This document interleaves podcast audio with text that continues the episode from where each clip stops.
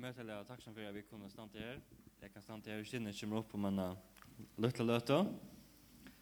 Og også jeg grunn at nå er det langt og halvt år så gjerne vi kommer til farger. Og togjen ganger og truller kjøtt. Og nå er det bare en tver viker til vi færre sted. Og vi kommer for å klare å fortelle oss om det. Og jeg skal si at vi er øyelig takksom for samkomne, det kan alt. jeg skal einstaklingar og samkomne som har vært ved okken av feriene, da vi var i Nigeria og i Nøkrar, jeg skal i England og i Nøkrar, her er jeg lise teologi, og jeg skal nå samkomne hever valgt at senda okkun ut en ene fyr. Og utan samkomna så er det faktisk omöjligt at færre sted. Og bare sier, tusen takk fyr. Og kom, oh ja, nu rikker jeg det, så jeg ble nervøs når jeg løte at jeg ikke rikker det, så um, ja, vi er en familie på fem folk, er Shino fra Japan, og Trøybad, og um, det er Shei, fem og Trui år. Så det var en stor brøyting til åknøtlom, og ikke minst til bøtnene. Og Japan, det er talentet her som Kino kommer fra, som de flest ødel vita, og det er her som vi færre. Og Japan vil kalla land solar reasons, eller det kallar det seg sjálvan. Til til land er helt her estre, og her som solen kommer opp, og til en rei sol av flatsen. Det har vi sett her. Det skal vi gjøre. Og det er ganske nøkker ting vi kjenner om Japan. Uh, ganske vant Fuji, Fuji-fjallet som ligger midt og øyla vekkost. Hva er det? Kjenner ganske til her. Sushi som har blivit øyla populært. Det er sørste årene, og på å si at sushi i Japan, det smaker nek bedre. Det er jo ikke reisende godt, men hvis det kommer over, så får du opp det bedre sushi. Og kjenner kanskje at det er næste mennene, jeg ser fine mennene som gløymast. Det er ganske nøkker ting vi kjenner, og skal vi gjøre. Men til et land som er lengt vekk, og til et land som er helt her østre. Det ser ganske lydelig ut, Um, det er til det syne Russland og Kina og Stillehavnen, men det er størst land vi er en stor uh, folketall. Skal vi? Det er 120 millioner folk, og Hoxan Danmark som er 5 millioner, Tyskland på 4 millioner, så det er land vi større folketallet og folk har tatt leit, hva som ikke nekker veri i Japan, Jens er veri, veri jeg, vet man er det. Her ølja trångt, her tatt pakka, her folk har tatt leit er tutsi ferner hakre enn i fyrjun, det vil si en, hoksa der, hvis det bor 000 folk i fyrjun, og bor ganske 1000 folk i svinne, og 100 folk i større døymon, det er rettelig uh, trångt, Japan er et land vi nekker fjøtlen og delen, og folkene er bosett fram vi fram vi sjøen og i delen, rettelig tatt pakka land. Og Japan er land som hever sin egna atsjona. Japan er et gammalt land, folk har boer i nekv tusen år, og de tåsa eit høvesmal, er eit løytemal som andre balker hever, og Men det er veldig folk i lenge tog, og det her var sånne egne religion.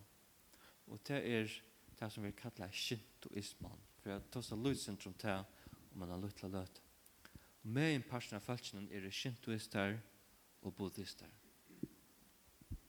Anna for så gjør det en, en folketelling. Da hadde vi 90% så det var shintoister, og 40% så det var buddhister. Og og øye gå over matkar, matematiker for jeg vet at det er lengt over 100 prosent, til tog jeg faktisk er bæge shintoist og buddhist. Og det gjør dere en en avbjøring for å ta seg lydsyndrom til. Men det er en veksande part av eller en rettelig større part av falskene er og i en sånn sektor sektor fra uh, kristnere bakgrund um, og krist, kristelig uiskøyde og eisne er sektor vi uh, buddhistiskun uh, buddhiskare bakgrund. Og ta en så stor hvis jeg sitter her, så er det nekst større parter av folkene, parter i sektoren enn som er i samkomne, som er kallas kristen. Og folk er det nok så benjen fyrir sektorn. at sektoren sektorn er større, og det ene første var, kan det være 25, det hadde det et avlopp og i undergrunden det kallte gass, i undergrundene. Og så gjør han tar at folk blir nok så bensjen for sektoren og mistankelig. Og det gjør dere en avbjøring. Da vil bjøre folk til å komme av møte, komme i samkomne, bjøre dem en bibelbøk, hva det skal være. Og særlig at det er en lydelig samkomne. Folk blir beina ved mistankelig. Er dette en sekt? Er jeg av vi inn i nækka som som jeg omgang slipper urat rett uh, vi er fengar ui nøkron. Og det gjør vi samkom, ikke bare okkur, men samkom i Japan en stor en stor avpjøring. Jeg forteller, vi er ikke nøkker sekt som rønner krøtje folk, men vi bor en båskap uh, om frelse. Og hvis du sitter overast, uh, Abia, liten til.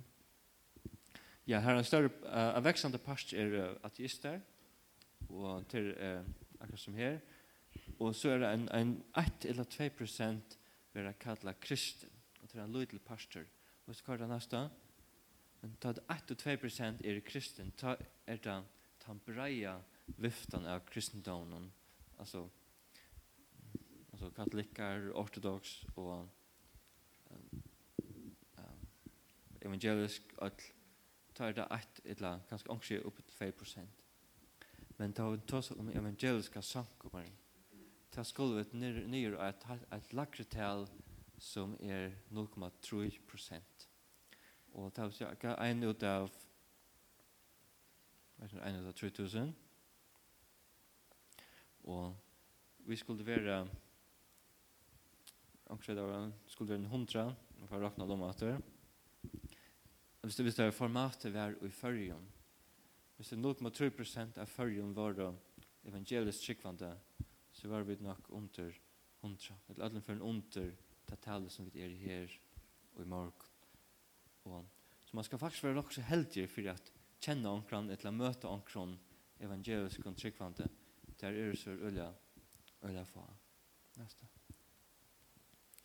Og etter kors som viser til London, som er det mest avnåtte London, muslimske heimeren, og Japan er et av heimeren mest ånått og landene som er til og en, en bøkker som heter um, Joshua Project det er gransk i London og Atabøkken og tar seg av Japan eller Japaner er den næst største avnådde folkabøkkeren som er ja. Hva vi gjør? Hette er et tekin for shintoismen. Shintoismen har alltid vært i Japan. Det er den japanska upprunalega religionen og, og til øyla samantvinna vi til at vara ein japanare. Og det tjekker vi på at det er 8 millioner godar, antar som er i fjöllun og avon, og det er parster av tarra, tarra trygg. Og, og at det er shintoismen er ölja bundet saman vi det nationalistiska til tog er at altså, keisaren og det siste keisaren som er høvesprester i shintoismen og det som er høvesprester til alltid i keisara familjene og, og Arne Krutje tal keisaren eh, sagt, eh, det var sagt at keisaren var faktisk god eh, alle for en god alt for en ytla goddommelige og så er det her keisarfamiljan, og nationalismen til ølja saman tvinna i Japan. Og så kan vi her. Og det her var tempel, stor tempel, det gjerra imsar godstjenester, og det kan røyja seg og sånn akka. Skal næsta. Og er skrugonger, man ser ångtøy, det her var munkar eller prestar, som gjerra tarra godstjenester. Så eisen her var det løy til skruin, alter. Det kan være heima, mitt av gøtene. Så en genga mitt av gøtene, som det var mitt en gilja, et eller annet her, så stender det bare litt i skruen her. Her folk kommer vi omkron okkur til offra til til disse andanar. Og til parstra at herra Guds dyrskan. Det er neste. Hva bra vi er? Og nytt er noen, ta komma fjöldenar til til prestene, til templene, her til, til å få valsignelse, særlig til eller fyra nødje år. Og dette er parter av til at det er at vi er shintoist, til at du først til prestene for å få valsignelse. Og jeg skal du lukke å gjøre. Hendan kjenner det ganske. Nå kom det inn av buddhismen. Buddhismen kom 1600-talen til Japan. Så til en religion som er kommet utanfra, men hon er verger så lenge tog, at nu er shintoismen og buddhismen til faktisk blant det sammen. Og tog folk sier at det er faktisk bæge. Men til det er som tog at til nekker du praktiserer, til nekker du gjerst, så drar ikke problemet for til et shintetempel der, og så torsdag først til et buddhistisk tempel. Det er ikke problem at det handlar ikkje så rævla negv akkurat om hva du trust, handlar ikkje så negv om um, doktriner, lærer, men det handlar om nekka du praktiserar. Og tog er det ikkje en, en, um, en trobeleitje at hava bæge shintoismina og buddhismina eksisterande saman. Og så, da, og så først og til disse imse prestene eller templene, alt etter hva høve er. Ta det gjerrar for, så er det ofta buddhistisk. Ta det er vuxla, så er det shinto. Nuttarnon, så er det shinto. Og så alt etter hva, hva det akkurat er.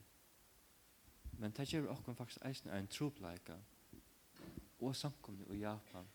Så at vi, bosk, vi boa en boskap som sier at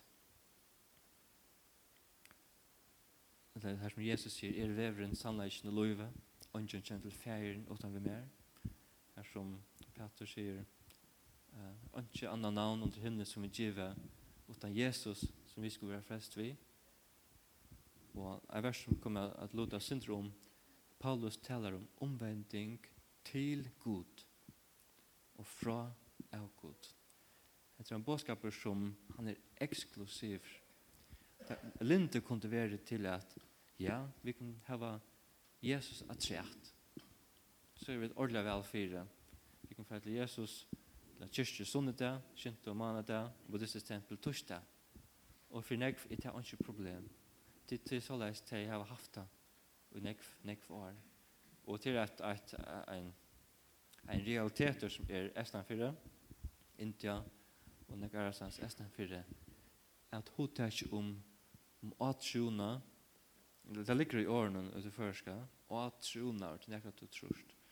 Um, men her er det øyne nekka, nekka du uh, praktiserar, og det er ikke så eksklusivt som, som vi trykva, og som det stender i, bøyblene. Og ja. Ja, heter en vaksen vanlig mynd, man ser nekva buddhistiska uh, statuer, uh, mitt i bøynen, ja, yeah. Kommer vi her? Kommer vi her? Ja. Så munkar som gjør såna såna godstjeneste. Kommer vi her? Och så har vi en skrön hemma, känner jag för att tälja lödsent. Att det parter av at det er godstyrskan, Guds prakt, alltså att praktisera sin religion på götterna, hemma och så trycka det på antar og är på atar fädrarna. Tar atar fädrarna som er dejer, tar blod til antar og falsken hava en åper til at at uh, altså tærna sån antonen og han så letja det ganske surreple mandarin til til antaner som han gava og til eisen en troplage og til at folk skulle bliva eh, tryggvande til at eller kristen til at det ligger en åper at at tærna tæra forfedron og foreldre som er i kjento, eller buddhist, det er ofte også, hvis det hvis det bøttene blir kristen, hvorfor så er at tjene tarra anda, ta teg er deg. Kom her. Ja, kom her. Bøttene er eisne, eller bøttene er eisne dri noe etter. Ja, kom her. Så hatt det vært en avbjøring av de gamle, de tradisjonelle, de som er i Japan og i hundrevis, tusenvis av åren, shintoisman, buddhisman, det er en avbjøring for samkomna. Men sjåan, det er eisen en ånder avbjøring. Man kan kanskje sette at det hinna suina til er ta nutja, ta materialistiska, ta etter ateisman vekser. Og etter en vanlig mynd i en vanlig boje i Japan, uh, bølja nekv, nekv løsingar, eller nekv jøs som blinkar, rønne å få folk inn a kjøpe. Men vi skal det neste. Hette er han som er en større trobelage. Ikke til at folk får til arbeids, men det er til at folk er særlig menn er av oppdykner vi arbeider til faktisk å hava nekka anna liv. Skal det være samkomliv, etla familieliv. Hvis jeg først til Tokyo, så er det vanlig mynd, vet du sørst mennene her. Um, hvis du først YouTube, så sørst du, um, så kan man sørge en video av her menn som arbeider av plattformen om morgenen og en kveld vi kviden hanskom, og tar arbeid er faktisk at trusta folk inn i toget, så horene kunne fære at Det er sånne folk som fære tølja fra husen til arbeid. Og menn fære ofte fra, fra husen fra kl. 6, kom att klockan touch. Och så är jag inte fyrlaxter så att komma hem. Så att mig kvällsmöte, torskväldsmöte till Augurlet. Och jag syns att män har sälja män har så lite frutid så ska han också näkt till för att få det där vi till akkurat. hvis man bjør dem en møte, eller samkomma eller bibeltimme eller akkurat så det här var så lite frutid så skal nok snakk til for at det skal komme vi. Ofte har det ikke tog til familiene, og sånn der er ofte en, en familie. Og det er vanligt at bød ikke sutja pappa sin for, for noen vegeskift. Så det sover han fra sted, og så sover det eisene til han kommer hjemme. Og Japan er et år, jeg glemmer det er nå, men det er deie vekkene iver arbeid. Det er simpelthen et år av japanskom. Det er simpelthen folk som arbeider seg i hel, og derfor, altså, dodge er til stressen. Og det er faktisk en sosial trobladje, men det er sånn en, en trobladje som eisen avverskar samkomna, bare vi et evangelisera, og eisen sånn at mennene er ui samkomna. Og kjenner kommer opp at fortelle jeg sinde mer om henne oppvokst. Vet Hva om det er en ære mikrofon? Det er deilig vidt Hei. Um, takk for alle må vi løye leike. Vi kunne um, si og flere i morgen. uh, Jeg er bare i foreskole i uh, Kvonde, men jeg kan ikke ta snakk, så jeg har bare um, tos, tof, to, torka firma. Um, it's been a blessing for me to be a part of um, Fair Island. Det er sikkert for meg at att er pastor förrjun. I've been married to this um, wonderful man for 11 years this year. Jag gift vi sin man nu i eh eh kva? Till jar. Etlva. Hon er gift i elva. Um I have learned to eat all this uh, wonderful Faroese food. Um, og de fall efter den där første möten. And I love them except the speak and the bread sausage and the shashbichert. Det tar vi alt utan spik, shashbichert og blubbles. Um, and it's also been a, so much blessing for me to be at this church. Resten er största och sexigaste för mig är att vara pastor av hela samkomne. And always I'm so impressed to see the all different generations coming to worship together og det er veldig å søtja at alle generasjoner er saman, at tilblir saman. And everybody is so kind no matter what the children make noise. Og folk er øyla blå, kjalt om bøttene larma øyla nekv. And I feel the Holy Spirit is so freely in here. Jeg føler at det her anden er øyla fruer her. And this is something that I never experienced so much when I was a little. Og hette er nekka som ikke har oppleva nekv ta jeg var yngre, eller løytel. My parents are the first Christians in my entire family. Og foreldre mine var det første kristne i alle familjene. Uh, my, my grandparents, they are both Buddhist. Og mine foreldre, eller um, ommer og appar, de var um, buddhister. Especially my mama and my father's mother, she was a strong Buddhist. Og særlig uh, mamma og pappa min var en sterker buddhist. So she had a very, very big, uh, like this much big altar at our own house. Jeg er øyne større enn størst altar heima. And it was a huge Buddha in it. Og her var en stor, stor standmynd av Buddha i. And maybe she has about 100 people under her who came to worship to the idol, idol deity. Og det er en hundra folk som var kommet, var akkurat undrende og kommet daglig at tilbya hentan god. Um, my parents got married and they had opportunity to go to America. Og mine foreldre var gift og det hette mødleikan at færa til Amerika. There they got their first daughter. Her, her fink, her fink det sin første døtter. But she was born with a very severe sickness. Men uh, hon født ved en større, eller større sjuk. So she passed away when she was six. Og hon døde da hun var seks år. But these six years they were surrounded by these American loving Christians. Men i tjøkken disse seks årene så var det omfemt av elskande, tryggvande kristne ur Amerika. So there they learned about Christ. Og her, her lærte de om Kristus. And they slowly knowing him and accepted him. Og her kom de å kjenne han, uh, uh, kjenne Kristus sti for sti, og til endans her så kom de til Trygg. Yeah, they baptized together. De var døpt sammen. So I was born after they came back to Japan. Og jeg var født 18 at til å komme atter til Japan. And I'm so thankful that God first led them to Christ. Og jeg la takk som fyrir at Gud leite deg til Kristus. And they taught me the way of Christ from the beginning. Og frelsmennene til lærte meg om vei av Kristus her, fra byrjan av. And I have the rules from the Bible.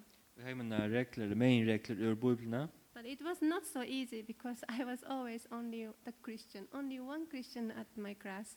Men det var ikke alltid så lett. Jeg var alltid den eneste kristne og i klassen som er me and only my brother was the, the Christian in the school. Jeg batsman var den eneste kristne i skolan. And it became more difficult when I became teenagers. Og det ble veist en sverare ta i ble var tannarung. Constantly facing the challenges to make a right choice. Og det var alltid en avbjøring til å takke det rette avgjørende. And I really understand it's not only me because even now on Fair Island. Og vet at det ikke bare kommer, det er eisen her i Førjund that all the young people have a similar challenges. Er ung folk har du som avbjørnene. But uh, what was different that I had nobody to share the same situation. Men det som var annerledes, det var at jeg har ongan annan som var ute som støve som jeg. But Jesus has been the anchor to my life. Og Kristus han har vært achimut og løvnån. So he kept me on his ground. Han held meg fast han og, og av sinne grund. So many challenges happened around me. Og han nek var um, avbjøringar rundt om meg. And temptations are always strong. Eisne sørre frestingar. But he kept me so then I didn't fly away. Men han held meg fastan så ikke er uh, forsen bort. Um, God let me, uh, first called me for overseas mission when I was 18. Uh, Gud kallar en fyrst til misjón, utalanda misjón, til var 18 år. He gave me the scripture from Acts 20, 24. Og han gav meg en skrifta fra, fra Apostelsen 20, 24. And Hatla, we're gonna share a little bit in there. Og jeg får si a løsning rundt her, om han har. Later on, after a few years, I had an opportunity to join Operation Mobilization. Og at han har nøkker år, så hei mølleikene færre vi OM. And I joined the OM ship, Duros. Og var ombord av OM-skipen, Dolas. There I first learned that actually Christianity is very powerful. Og her lærte jeg, opplevde jeg første fyr um, kraften av i kristendom. I saw church or Christianity is so small because that was what I used to in Japan. Jeg har alltid husker at Sankoman var så løytel. Det er det som jeg var van vid da jeg var i Japan. But there, there are 400 people from 40 different nationalities. Men ombord var 400 folk uh, fra fjörde in London. So many differences and cultures and languages and common sense. Og folk vi imson uh, background, imsar um, fatan av kvart er vanligt, og imis mål, og... But uh, yeah, I have seen that once they come to worship Christ, Men jeg så at til det kommer at tilbyr Kristus, somehow he united us. Ta uh, sameinte god ok. That was a so powerful experience for me. Og det var en sterk oppleving for meg. And I've been abroad almost 14 years since then. Jeg har varit i Atlanta under 14 år. Så jeg inte. I'm almost telling my age. Jeg sier nesten hur gammal jag.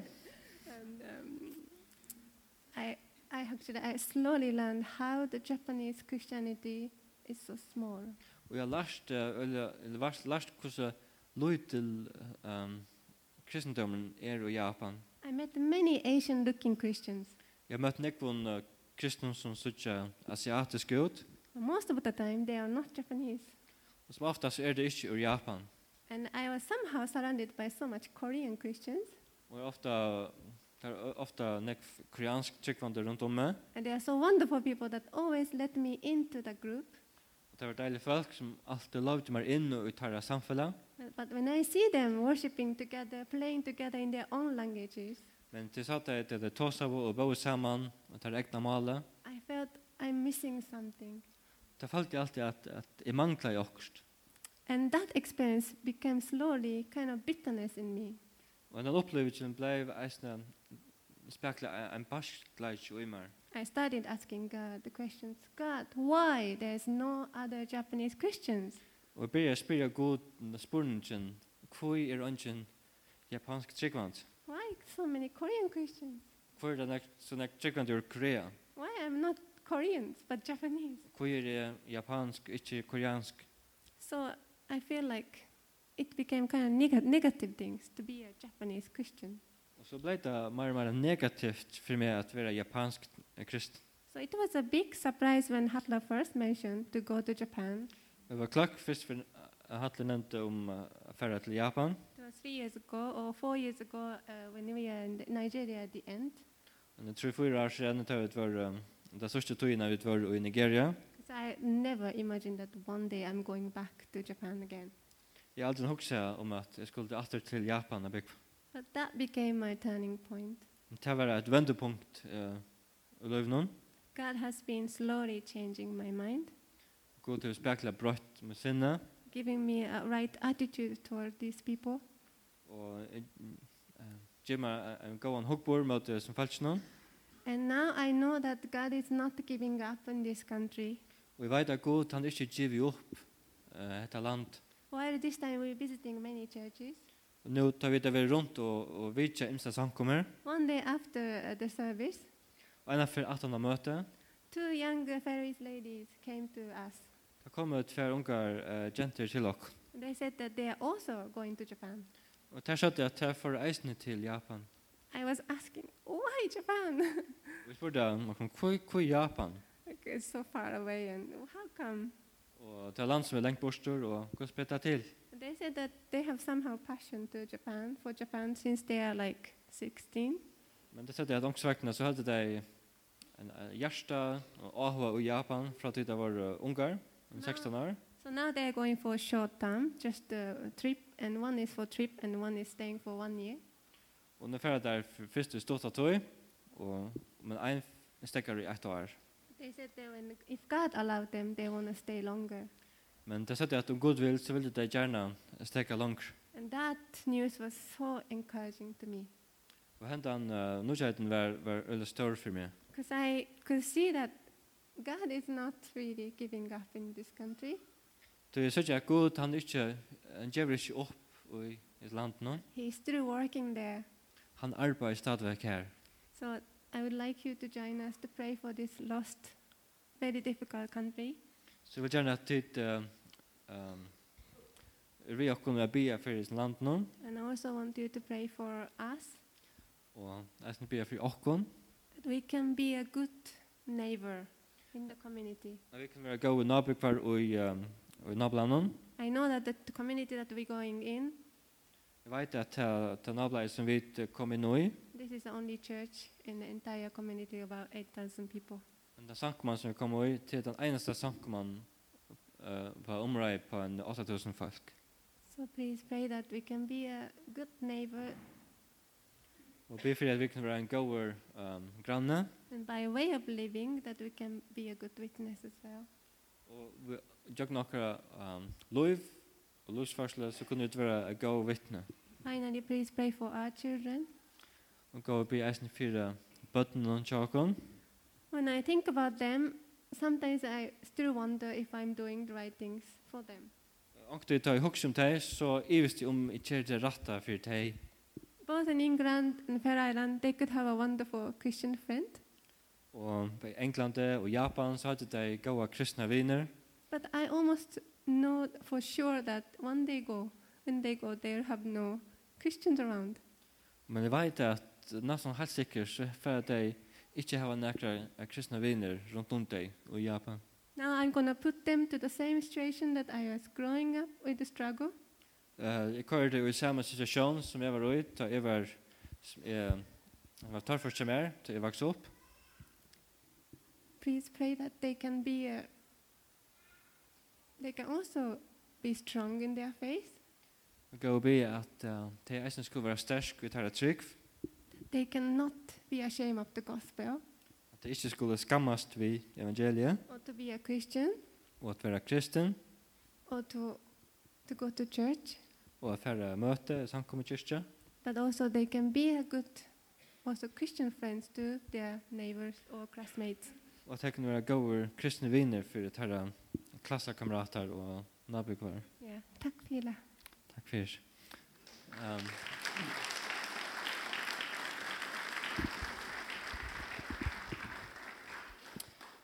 nokkur nøkker åra chat. Um, så kvar vi er av slide noen. Det kjenner kanskje at det mest er, det er reion.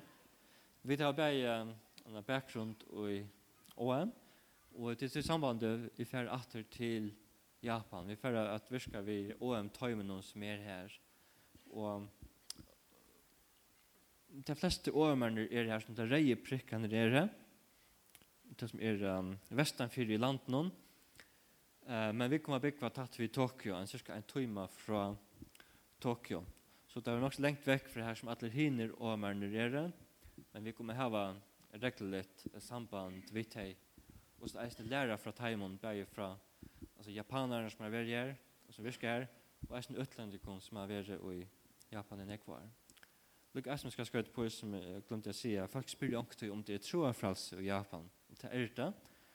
Uh, Filmer ganger nå med The Silence, om, um, hva er noe skjer, det er om, um, om um, ta, og jesuittaner, katolikkene kom til Japan, ta døye en rikva av japanskum kristen fyrir taratryggv og og eisne om til krøynon tar det eisne øyla strev å være kristen og Japan.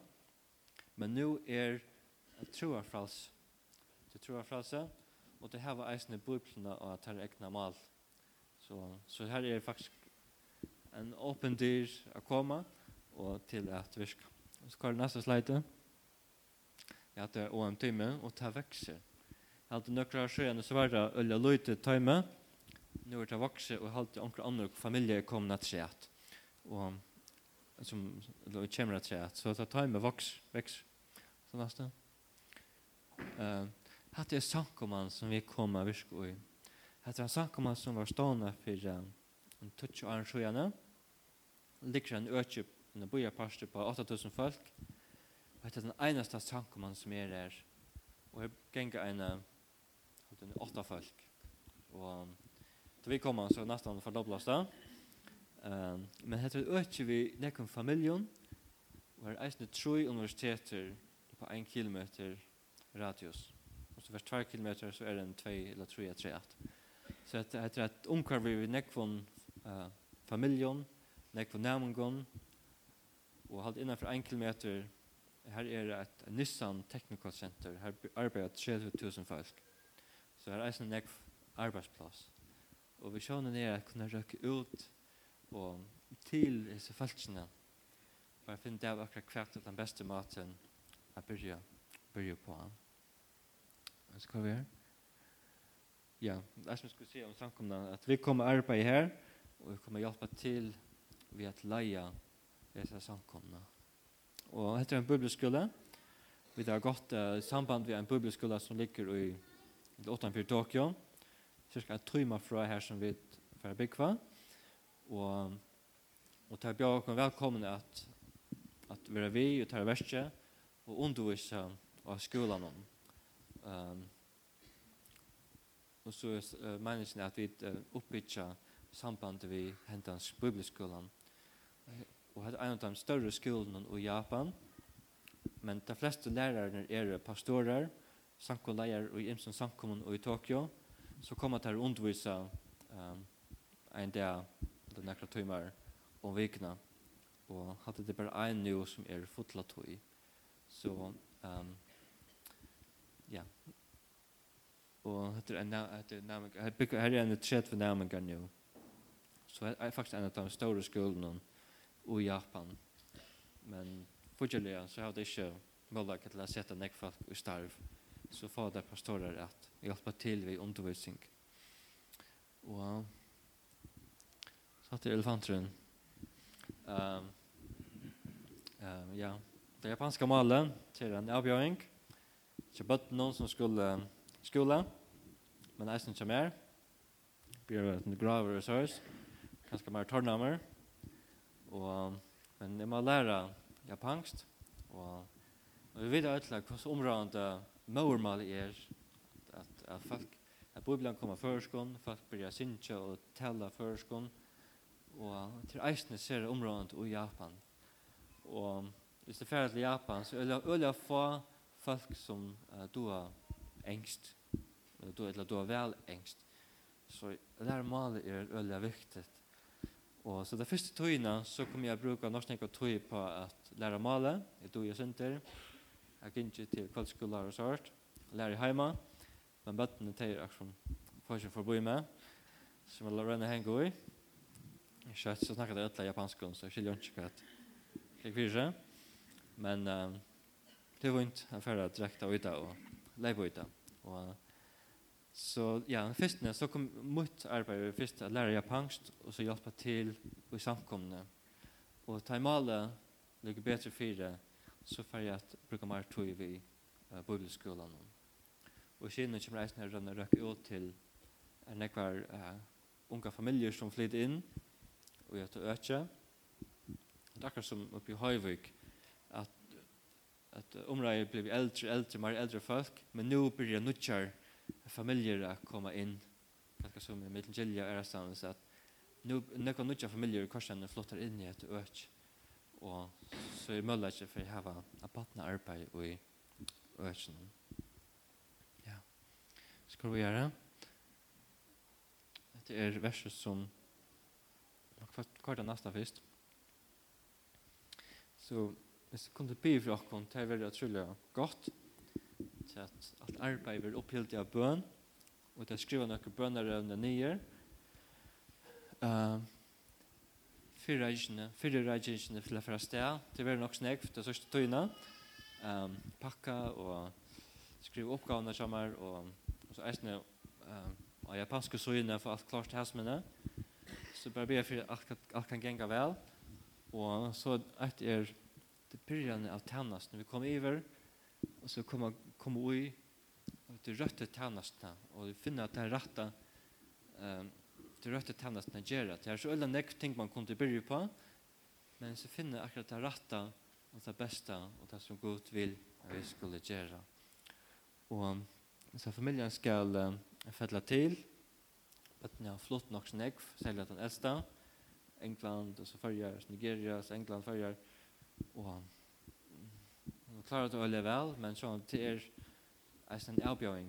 en særlig nå til å bli eldre, hava vinner og sånt. Så be jeg for at jeg kunne fælla vel til.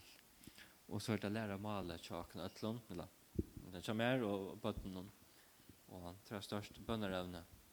Og han ikke for at til hit som var æren. Det skal være livet nok skjøtt. Uh, Kina nevnte en vers som hun fikk Tom ble kattla og misjøen. Det var apostasøren 20-24. Og faktisk lengt åren jeg møtte kinnen, så jeg skriver etter verset og et bokakort som jeg har gjort. Uh, vi mynte av, og det er givet til noen folk. Og det er faktisk det samme verset. Og faktisk kanskje jeg funnet det av at vi har haft dette samme verset skriva nye uh, i samband med misjon.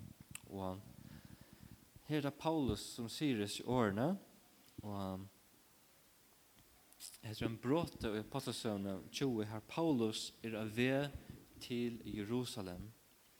Han er for ure, han er ferdig ur i Efesos til Makedonia, til Grekaland. Og så kommer han heimater, til Makedonia og atter til Lutla Asia.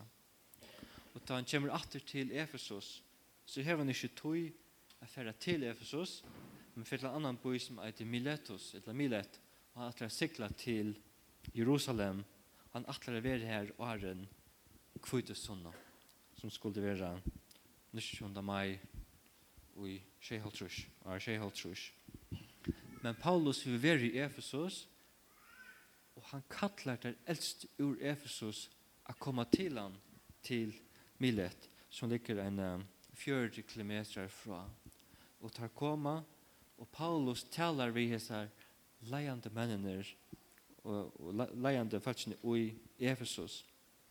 Og Paulus han veit at det er største fer at han har møvleik at tåsa vi disse leiande i samkomne.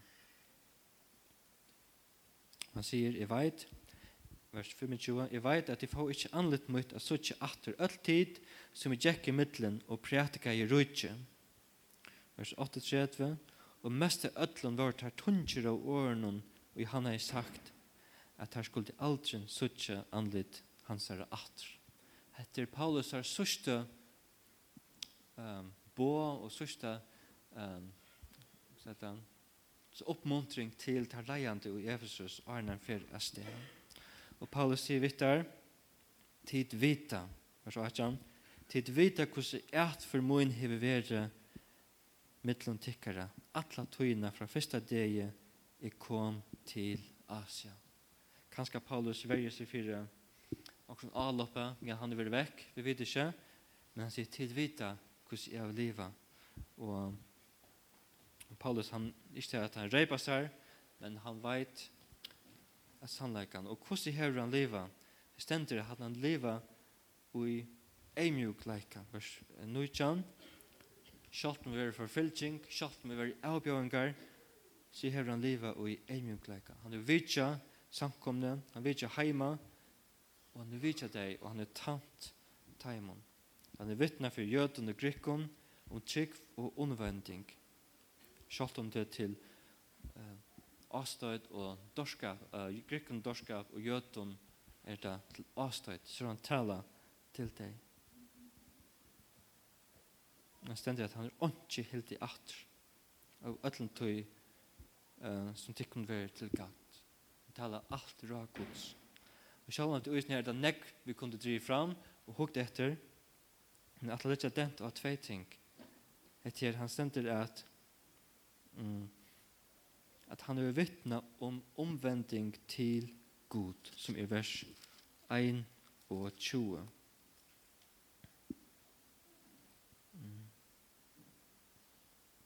Ja, jeg vittner jeg bare for jødene grykken om omvendingene til Gud og trunna av Herre akkara Jesus Kristus. Og etter det nekka det samme som han sier i um, fyrir Thessalonika brev 18-19. Jeg sier han at tog det kundi gjøre sjolv om okkon hvordan vi fengte inngang tja tikkun og hvordan tid vende tikkun til god fra avgoden at tæna hinne levande og sanna godet. Og hvis det ikke er passet av nøytjan, som en tatoien Paulus er i i Efesos årene for at ferast og kommer atter. Og så det Lukas som skriver, han kunde valgt alt møvlet ut att skriva och i apostasöna, men han har valgt akkurat dette brottet. Vers 9, nei, kapitel 9, Paulus i Efesos, og så tar han kommer atter til Efesos og snakkar vi til eldste. Og alle hinne feriene, han fer rundt, da leper han bare om. Han sier bare han får her, får her, får her, og men han har valgt dette her, å skrive om dette her. Men hvis det helt stått, da uh, hittir i Efesus nøytjan, da Paulus er her, eit som hender i vers 8 til de som hadde finnst vi gant, til komme til Paulus vi öllum bøknum. Bøknar som hadde å møte Litvira, altså fortsatt Litvira, og til komme, alle bøknar våre brentar til det vensar fra ganten til Kristus. Og det neste som er, vers 24, til sin mæren som heter Demetrius. Det menas ganske Demetrius, silversmien, han gjør det uh, til en løy til figurer av Artemis. Tilfelsen i Efesus var øyla stolt av templen til Efesus, som er etter dem skje under noen og i, og i altså, de gamle tøyene. Og, og Men nu sier han at ho ho, alle sier som vender seg til Kristus, til djevast vi er kjeipa, disse avgodene av Artemis. Og kanskje for det eisen jeg sier, og så eisen det fortsatt lærer til okkom, men kanskje for det eisen jeg sier at Artemis ikke er nekkar god. Bare venstre samt det venstre fra Artemis og til Kristus. Venstre fra gamle bøkken til Kristus.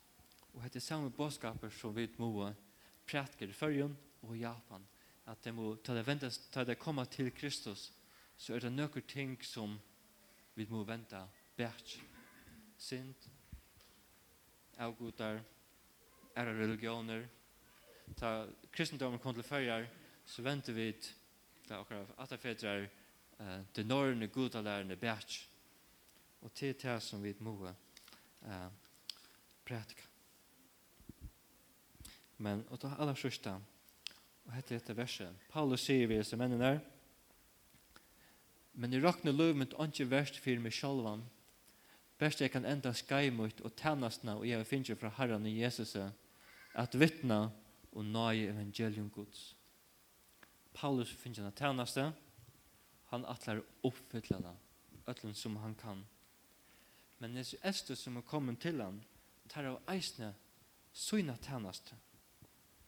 Altså, jeg anser til etter til kun sjolvun og öllun fylgjennom her heilig anden hever sett tikkun som omkjønner menn er røkta sankum og gods vers 28 Tid var tikkara tænaste jeg har møyna tænaste svar ulvar skulle komme i middelen tikkun og det er all okkara tannaste og det handlar ikke akkurat hvordan jeg var om hvordan jeg var kilometer vi færa om vi færa rundt om hjørna eller færa inn til grannan eller om vi kjører kaffe vi tar all okkar egne tænaste.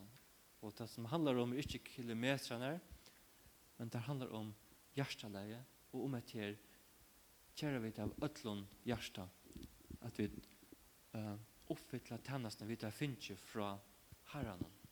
Og at det at du fjæra, og at tid som er her, at tid røkker ut uh, om i Høyvøk og i Førjon, til en veldig tænaste.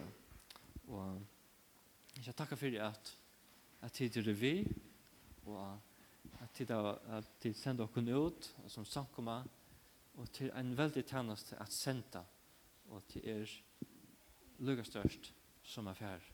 Og jeg bare takke for at dere at dere lust av, og takk for at at tid, at tid har vært vi i nekvar. Amen.